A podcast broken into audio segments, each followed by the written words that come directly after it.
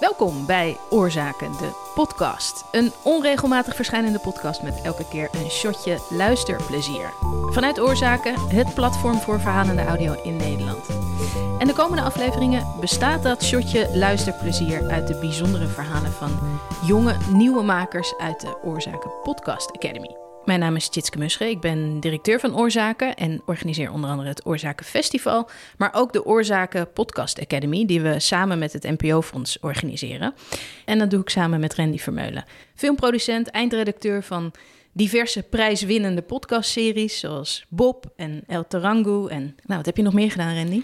Ik heb gewerkt aan Waarom, uh, de kasteelmoord, um, ja, een beetje van alles. Ik ben nu twee jaar uh, weg bij de VPRO en sindsdien ook dingen voor de VRT gemaakt en BNN-Vara. En mijn laatste podcast is Dit kan geen toeval zijn voor de Volkskrant. Ja, samen met... Uh, Simone Eleveld en Huip Modderkolk. Ja. ja.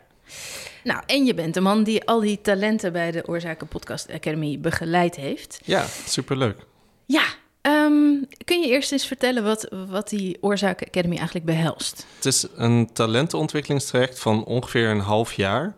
En we proberen het jaarlijks te organiseren. En je moet je voorstellen, er is een enorme honger naar uh, kennis over vaande technieken binnen de podcastwereld. Uh, dus elk jaar hebben we ontzettend veel aanmeldingen, ongeveer 150 per jaar. Daar maken we een selectie uit van 12 deelnemers. En dit jaar, dus in 2022, hebben we voor het eerst gekozen voor een groep van 12 non-fictie deelnemers. En zij krijgen dan elke week een workshop binnen een bepaald thema. En dat is bijvoorbeeld interviewer voor de podcast, uh, monteren, het schrijven van voiceovers, sounddesign, scènes. Dus elke week staat een teken daarvan. Ze hebben ook elke week een huiswerkopdracht, dus die nemen ze mee naar de workshop. En op het einde van het traject dan werken ze aan een eindopdracht waarmee ze zichzelf en hun makerschap presenteren aan de audiowereld. Dus dat. Ja. En, en wat voor makers melden zich uh, doorgaans aan? Ja, van alles. We hebben ook niet als voorwaarde dat je al in audio gewerkt moet hebben. Ja, je moet wel al verhalen verteld hebben, maar dat kan in elk medium. En uh, iedereen is welkom, dus de selectie is ook altijd heel erg divers. Uh, vaak zijn er veel journalisten die zich aanmelden, maar het is niet heel leuk, tenminste vind ik, om een groep van twaalf journalisten samen te stellen. Dus dan hebben we misschien iemand die een schrijfachtergrond heeft, misschien een theatermaker, een spoken word artiest. Uh, het is echt van alles en dat is superleuk. De komende afleveringen gaan we luisteren naar stuk voor stuk hele bijzondere prikkelende en ja, ook fantasierijke audiodocumentaires. Uh, die gemaakt zijn door deze lichting. Is er een, een rode lijn te herkennen? Poeh, oké. Uh, een rode lijn. Ik denk dat we gaan luisteren deze komende afleveringen naar een soort experiment of een onderzoek van wat gebeurt er nou als je niet vanuit de kaders van een programma iets hoeft te maken, maar geheel vanuit jezelf. En dat is heel erg moeilijk en soms is het eindresultaat ook ruw.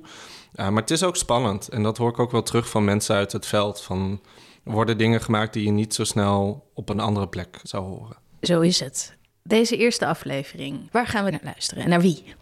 Uh, we gaan luisteren naar het werk van Menno CD. Uh, Menno is een hele goede schrijvende journalist. En hij deed mee aan de Oorzaken Academy om zijn stem als audiomaker verder te ontwikkelen. En het werk waar we straks naar gaan luisteren is daar een goed voorbeeld van. En binnen de begeleiding hebben we veel gesproken over zijn tone of voice. En ik weet nog tijdens de workshop, ik moest gewoon heel vaak om hem lachen. En ook wel op momenten dat andere mensen niet lachten. Dus dat was af en toe pijnlijk. Um, maar ja, hij heeft een bepaalde uh, zienswijze dat hij sommige momenten heel erg isoleert en daar iets grappigs over zegt. En ik ben daar heel gevoelig voor, dus ik moest heel vaak om hem lachen. en ik weet nog tijdens de montage van hetgene waar we net over gaan horen, dat was in het begin een wat droger journalistiek verhaal. En we zijn samen, en met name hij, op zoek gegaan naar, maar wat kan het nou Menno maken en wat kan het Menno in audio maken? Dus ik, ik heb heel erg benadrukt van breng die persoonlijkheid terug in je voiceovers, want dat gaat het heel erg leuk maken. En volgens mij is hij daar goed in geslaagd. Wat heeft hij gemaakt? Een korte documentaire die heet Woonschaamte. Uh, Menno heeft een tijdje geleden een huis gekocht samen met zijn vriend. En dat roept allerlei schaamtevolle gevoelens bij hem op. En in die documentaire gaat hij dat onderzoeken. Wat gebeurt er nou precies? Ja, want hij gaat wonen in een uh, voormalige arbeiderswijk, hè, waar uh, nog heel veel uh, mensen wonen die onder de armoedegrens leven. Klopt, erger nog, hij heeft ook nog een sociaal huurhuis gekocht. Uh, ja, daar is veel commotie over. Laten we gaan luisteren.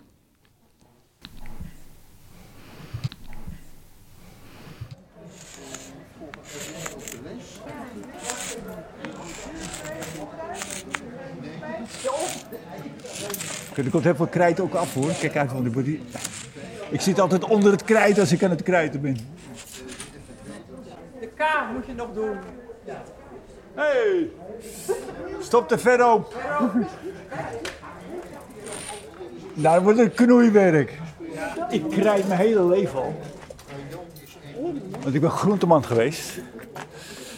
Ik schreef mijn prijzen altijd met krijt. Dat komt nu goed van pas. Dit komt nu heel goed van pas, want ik heb dus een heel mooi handschrift. Ik ben op een protest en ik probeer hier van mijn schuldgevoel af te komen. Wil je die andere ook? Nou, moet je zo aangeven. Deze sociale huurwoning is niet te koop. Wat de actievoerders nog niet weten is dat ik ook een sociale huurwoning heb gekocht. Begin dit jaar in Amsterdam-Noord. Dat ben ik wel van plan om te vertellen, maar nu nog even niet. Eerst probeer ik mezelf nog een beetje in te dekken. Ik begreep dat uh, van de verkoop van sociale huurwoningen moeten ze ook sociale huurwoningen terugbouwen, ja, dat toch? Dat is altijd gezegd. Dat wordt feitelijk nooit met cijfers aangetoond. En als je kijkt van wat er uh, nieuw gebouwd wordt en wat er gesloopt wordt en geliberaliseerd, dan wordt er altijd meer gesloopt en geliberaliseerd dan er nieuw gebouwd wordt. Dus de voorraad neemt nog steeds af. Mijn vriend en ik kochten niet zomaar een sociale huurwoning, maar eentje in een van de armste buurten van Amsterdam, de Vogelbuurt. 73% van de woningen is van een woningbouwcorporatie. De documentaire serie Schuldig werd hier opgenomen. Daar kunnen wel wat havermelk drinkende creatieve ZZP'ers bij, toch? Vraag ik voorzichtig aan de leider van het protest. Kan het ook soms goed zijn om een sociale huurwoning nee. te verkopen? Nee, nee, dat is gewoon absoluut slecht. Uh, je verkoopt de, de stenen, maar je doet niks. Er is geen sociaal beheer. En wat nodig is voor zo'n wijk is sociaal beheer. Help de mensen die er wonen. Wat wij meemaken is dat bijvoorbeeld een, uh, iemand, uh, dat benedenwoning wordt verkocht. En, uh, en iemand zit op de derde verdieping en die is 80. En die zou graag naar beneden willen, dat kan niet meer. Aan de overkant staan twee oude mensen. Ik ben, ook, ik ben 90 jaar. Hè. Oh, ik ben, ja, maar, ik ben maar 80. Ja, 90. Maar ik bedoel, ik wil niet pochen mijn leeftijd.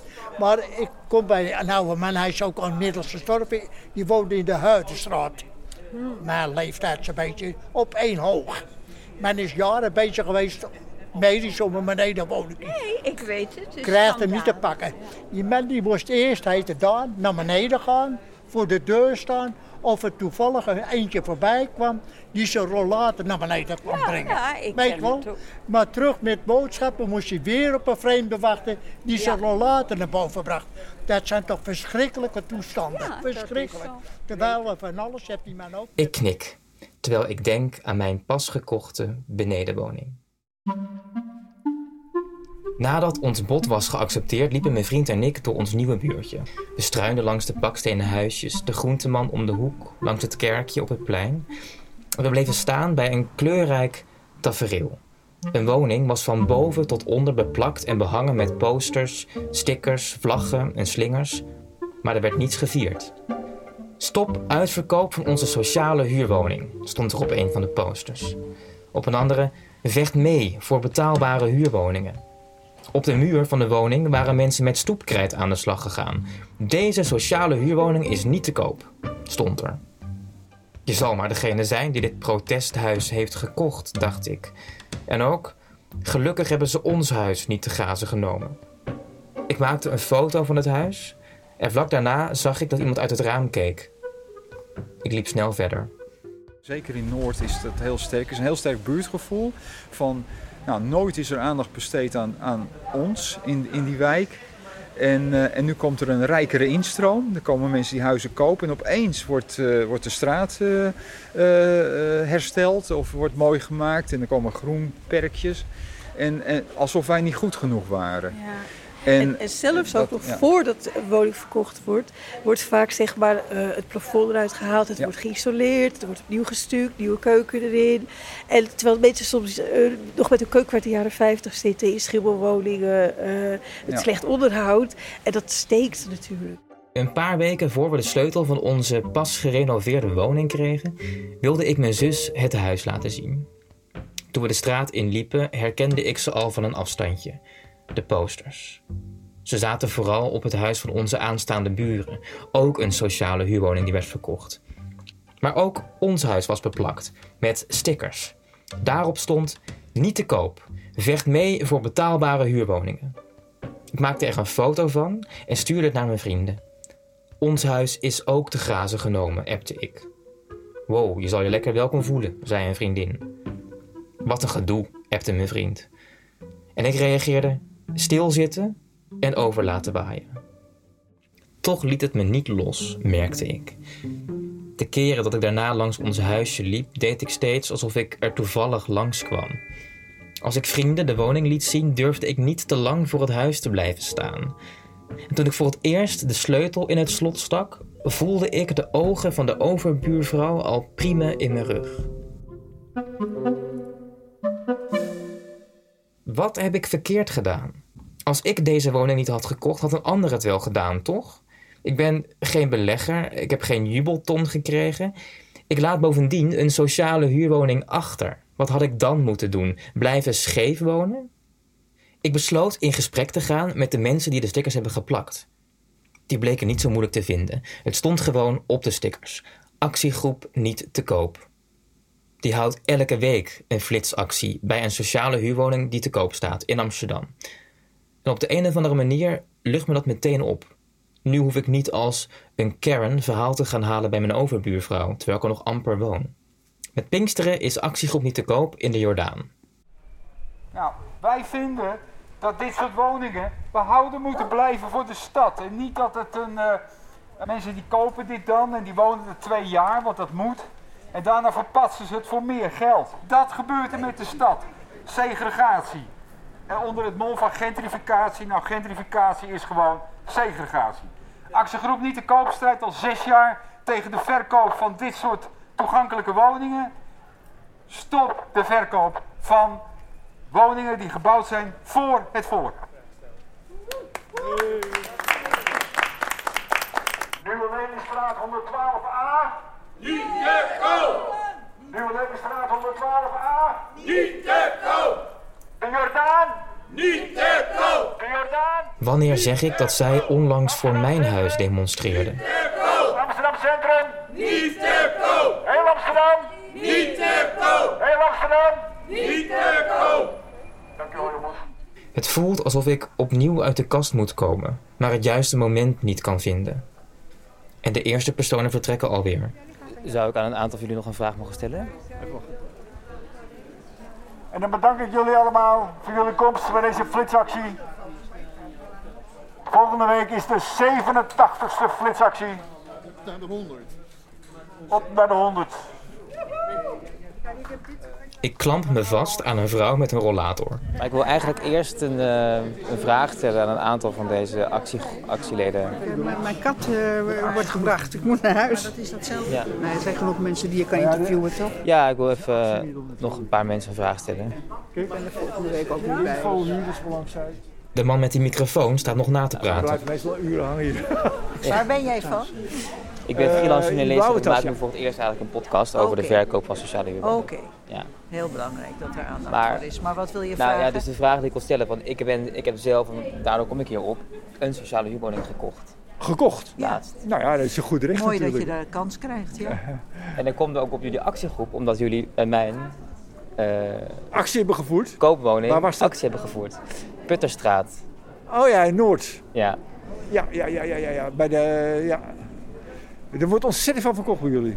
ja, heel veel. Echt, het Ja, is echt, het hele eh, blok. echt schering en inslag. Ja. Wat is je vraag? dus Maar wat eh, wil je vragen? Nou, wat, ik, wat, wat, wat, wat vinden jullie van de mensen die sociale Ja. huurwoningen kopen? Dat is natuurlijk een goed recht. Je kan ze moeilijk bedoel, eh, geven. daar heb ik geen enkel probleem mee. Ik bedoel, ja, Maar heb ik dan als koper geen enkele verantwoordelijkheid in dit hele dossier? Nee. Nou ja, je moet er denk ik even blijven wonen. Dat zal wel een, een uh, woonplicht hebben ja, van ik moet er twee jaar. en drie maanden blijven nou, wonen. En dan kun je het misschien voor het dubbele verkopen. En dan ben je goed bezig. Dat doet iedereen. Kom ik hier echt zo makkelijk vanaf? Ik probeer het ook nog eens bij de oude mensen aan de overkant van de straat. Gekocht, ja. Nou, en daar het. ik ook. Ik ben altijd arm geweest. Dus voor mij was het verstandig dat wat ik nog had, dat het toen in het huis aankoop ging. Ja. Dat in zover heb ik daar alle begrip voor. En ik kom er iedere keer helemaal vooruit. Want ik zeg, we zijn elkaars vijanden niet. Maar dan heb ik nog één vraag voor de leider van het protest. Uh, weet jij wie precies die stickers op uh, onze deur heeft geplakt? Nou, dat zijn waarschijnlijk uh, uh, buurtbewoners geweest. Want we delen dit dus uit. Hè? We delen de stickers uit. en we krijten alleen op woningen die de corporatie verkoopt, die nog op funder staat, die niet onder bod is. En wat onder bod is in feite ook verkocht. Dan, doen, dan is onze actie is er niet. Dus, Oké, okay, dan moet ik eigenlijk doorzoeken naar degene die dat ja, heeft gedaan. vraag aan de buren, ja. Moet ik toch mijn buurt in?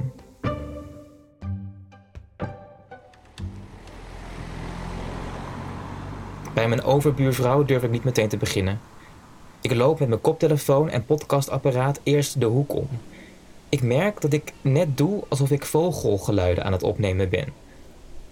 Ik besluit te beginnen bij het huis waar boven de deur staat gereserveerd voor oud-Noorderlingen. Sorry, we moesten even de uh, Viaplay aanzetten, want we wilden er voor moeder 1 kijken zo. Dus wat, wat? Uh, nou, ik maak een podcast over de, over de buurt en over de, de verkoop van sociale huurwoningen. Oké. Okay. Um, en ik zag deze leuzen op uw uh, ja. huis staan. Ik dacht, misschien wilt u daar wel iets over vertellen. Dus zou ik daar wat vragen over mogen stellen? Of komt het nu niet gelegen met de Formule 1? Of, uh... nou, we kunnen wel binnen 10 minuten, toch? Ja. ja? Kom, gaan we even zitten. Oké. Okay. Hier buiten? Ja. Kan dat? Ja, wel goed. U heeft deze twee verdiepingen hier? Nee, nee, ik woon boven. Ah. Deze tuin is eigenlijk niet van mij. Deze tuin is van de buren beneden allebei. En ooit was er een bank die mijn huis uit moest en die we even hier neergezet hebben. En toen zijn we erop gaan zitten met allerlei buren. En zo is dit tuintje ontstaan. En hoe lang woont u hier al? Ik woon hier vanaf uh, 90, dus uh, uh, ruim 30 jaar. En nu ehm, uh, las ik allemaal dit soort uh, teksten of papiertjes. Kunt u misschien een paar voor, voorlezen? Ik weet niet meer wat er staat. Noord uh, voor de Noorderlingen. Dan heb ik hier beste nieuwe Noorderlingen. Als u tussen ons komt wonen, kunt u dan ook integreren. Volgens mij staat er zoiets. En gereserveerd voor oud-Noorderlingen. En waarom hangen ze hier? Nee, omdat ik niet blij ben met de verkoop um, van de sociale huurwoningen. Sowieso zijn er natuurlijk geen, niet genoeg sociale huurwoningen. En uh, um, nou, de huis kostte echt belachelijk veel geld. Maar ja, ik vind wel, uh, mijn kind kan niet in Amsterdam wonen. Ze woont nog hier in, uh, bij u? Ja, ze woont nog bij mij, ja. Nou moet ik een soort coming-out doen, want ik ben dus ook iemand die hier is komen wonen. En ik heb ook een sociale huurwoning gekocht. Ja. Ik voel inderdaad ook een soort ongemak, omdat vlak voordat we daarin trokken, toen was er een soort protestje georganiseerd. Eigenlijk bij het huis van de buurvrouw. Die heeft op dezelfde manier die sociale huurwoning gekocht valt door een actiegroep niet te koop die overal in Amsterdam ja, ja, bij zo'n... Die, die, protesteren bij lege woningen. Het is niet ja. zo dat, je, dat we protesteren tegen de bewoners van nee, de woningen. precies. U zegt we, want u zit er ook bij. Nou, nou, ik zit niet per se bij die organisatie, maar ik heb zeker wel meegedaan ja, aan de demonstraties. Hier bij de Putterstraat ook? ook? Putterstraat, ja, ook hier op het Zwanenplein. Ja. En, dat, en ik ben er ook heen geweest en dat zeiden ze inderdaad, wij zullen nooit bij een al verkochte woning uh, stickers pakken. Toch zaten er stickers op onze deur. Dus, uh, oh, maar dat kan ik je dat wel... Was een... Dat zijn gewoon kinderen die zijn, op, die zijn die stickers overal gaan plakken. Dus niet per se op deuren van kopers. Maar er waren een hoop kinderen en ik heb, ik heb ze zien plakken. Ik heb er niet bij nagedacht. Want anders had ik er meteen wat van gezegd of gezegd, kom, we gaan ze eraf halen. Het zijn kinderen geweest. Onschuldiger kan je het niet krijgen. Dus waarom voel ik me dan nog steeds ongemakkelijk?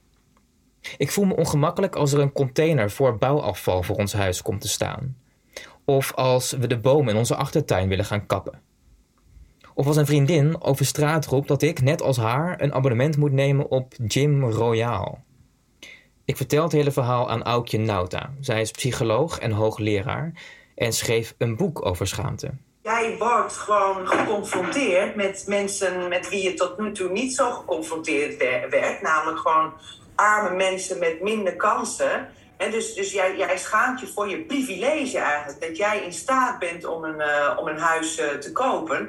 Ik werd eerder wel geconfronteerd met kansarme mensen. Alleen vond ik mijzelf ook kansarm. Op de woningmarkt dan.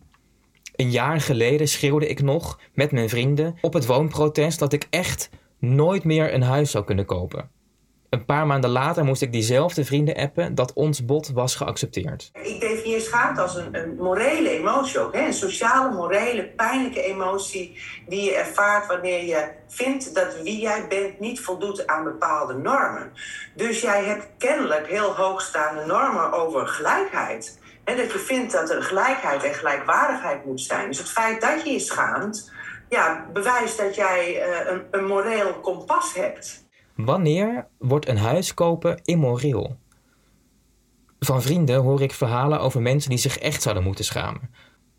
Ouders van iemand die allebei een sociale huurwoning hebben en allebei een huis hebben geërfd en die verhuren. Of iemand met een sociale huurwoning die een huis heeft gekocht op Eiburg voor 1 miljoen euro en die verhuurt aan expats. Wat ben ik hier dan moeilijk aan het doen? Ja, je, je hebt gewoon last van uh, ja, cognitieve of eigenlijk misschien wel emotionele dissonantie. Schaamte is niet zozeer cognitieve, maar emotionele dissonantie. wat is dat? Uh, wat zeg je? Dat is een kloof tussen uh, nou ja, wie je bent en wat je doet. Bij de gemeenteraadsverkiezingen stemde ik GroenLinks. Nu lees ik dat zij in hun verkiezingsprogramma hadden staan: we willen een stop op de verkoop van sociale huurwoningen. Diezelfde maand kreeg ik de sleutel. En, en die gevoelens die moeten naast elkaar bestaan. Dat kan je gewoon niet oplossen. Nee, is dat niet op te lossen? Nee, het is niet op te lossen. Want dat hoopte ik eigenlijk. wat zeg je? Maar dat hoopte ik eigenlijk. Nee, nee, nou ja, kijk, het is wel op te lossen door um, gewoon accepteren dat de situatie is zoals het is. Ik moet denken aan het verschil tussen schuldgevoel en schaamte. Een schuldgevoel krijg je over iets wat je hebt gedaan en je schaamt je over wie je bent. Tot nu toe heb ik mijn daad gewogen: het kopen van een huis. Maar misschien moet ik mijn ongemak eerder zoeken in wie ik ben. Iemand die een huis kan kopen. Ik denk dat ik me dan ook een beetje schaam voor het feit dat ik gewoon een jup ben. Ja. En het liever niet wil zijn. Uh, ja. Uh, want het heeft toch een negatieve connotatie. Uh, nou, mijn vriend heeft letterlijk een Van Moof. Dus die, uh, staat, oh die oh, staat later, die staat dadelijk gewoon voor het huis. En ik probeer, en ik wil dat dan misschien niet zijn. En ik wil er misschien ook wel ergens iets aan veranderen. Maar ik, ik vrees dat dat, dat dat toch, ik kan dat niet veranderen. Toen de Volkskrant niet was bezorgd, diende ik direct een klacht in. Later bleek die gewoon tussen de post te zitten, maar ik kon mijn klacht niet meer intrekken. We praten nu heel enthousiast over de inrichting van ons voortuintje, maar ik voel me meer op mijn gemak in mijn achtertuin. Met vorige buren heb ik drie keer gesproken. Overigens is de term Juppet niet helemaal. Te corporate of zo. De schrijver van de nieuwsbrief Havermelk Elite wijst me op de term Jukkie. De Young Urban Creative. Een creatieve jup, zeg maar. En volgens de bedenker van de term is de juk in theorie tegen gentrificatie. Tegelijkertijd uh, voel ik me ook heel erg juppig dat ik er dus nu een podcast over maak. Begrijp je? Dat je zo met je podcastapparaat door de buurt aan het lopen bent terwijl je er amper woont. Uh, om er even iets over te gaan vertellen. Ja, ja. Ja, ja, ja, dat, is, dat, dat, dat, ja, dat kan ik me voorstellen. Maar toch is dit beter dan je terugtrekken in je eigen woning en helemaal geen contact hebben met de buren en uh, ja, gewoon schaamteloos zijn. Hè? En laat die schaamtegevoelens er maar gewoon zijn. Dat is schaamtevrij, dat is schaamte er mag zijn. Hoe langer ik lekker schaamtevrij door de buurt loop, hoe meer ik voel dat die schaamte me ontglipt. Bijvoorbeeld omdat niet iedereen tegen de verkoop van sociale huurwoningen blijkt te zijn. De ene helft van de groep hier in, in Noord die, die is er fel op tegen dat de woningen verkocht worden. En de anderen die staan er wel positief in van nou ja, dan maar verkopen, want dan weet je ook dat er normale mensen inkomen. Of omdat ik niet de enige juk ben. Ik heb intussen ook veel kopers ontmoet.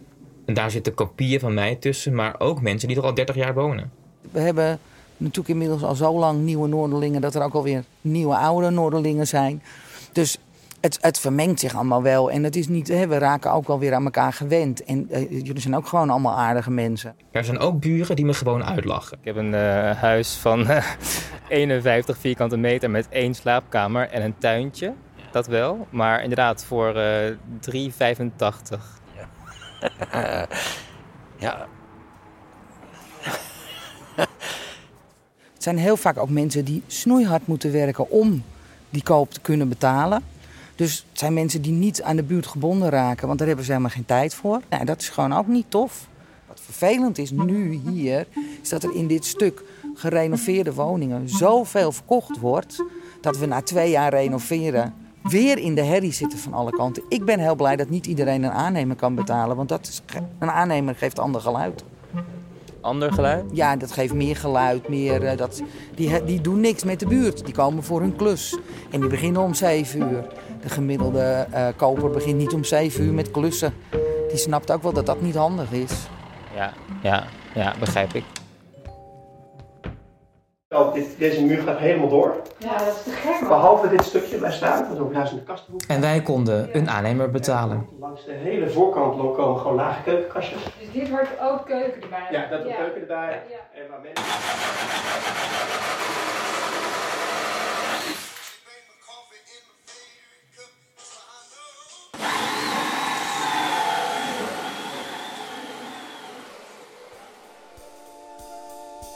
De documentaire die je hoorde is gemaakt in de Oorzaken Podcast Academy 2022 met steun van het NPO-fonds. Oorzaken doet nog veel meer leuke dingen, zoals de Korte Golf Podcastwedstrijd en het Oorzaken Internationaal Podcastfestival. Wil je op de hoogte blijven? Ga dan naar www.oorzaken.org en abonneer je op de nieuwsbrief. Of volg ons op de socials.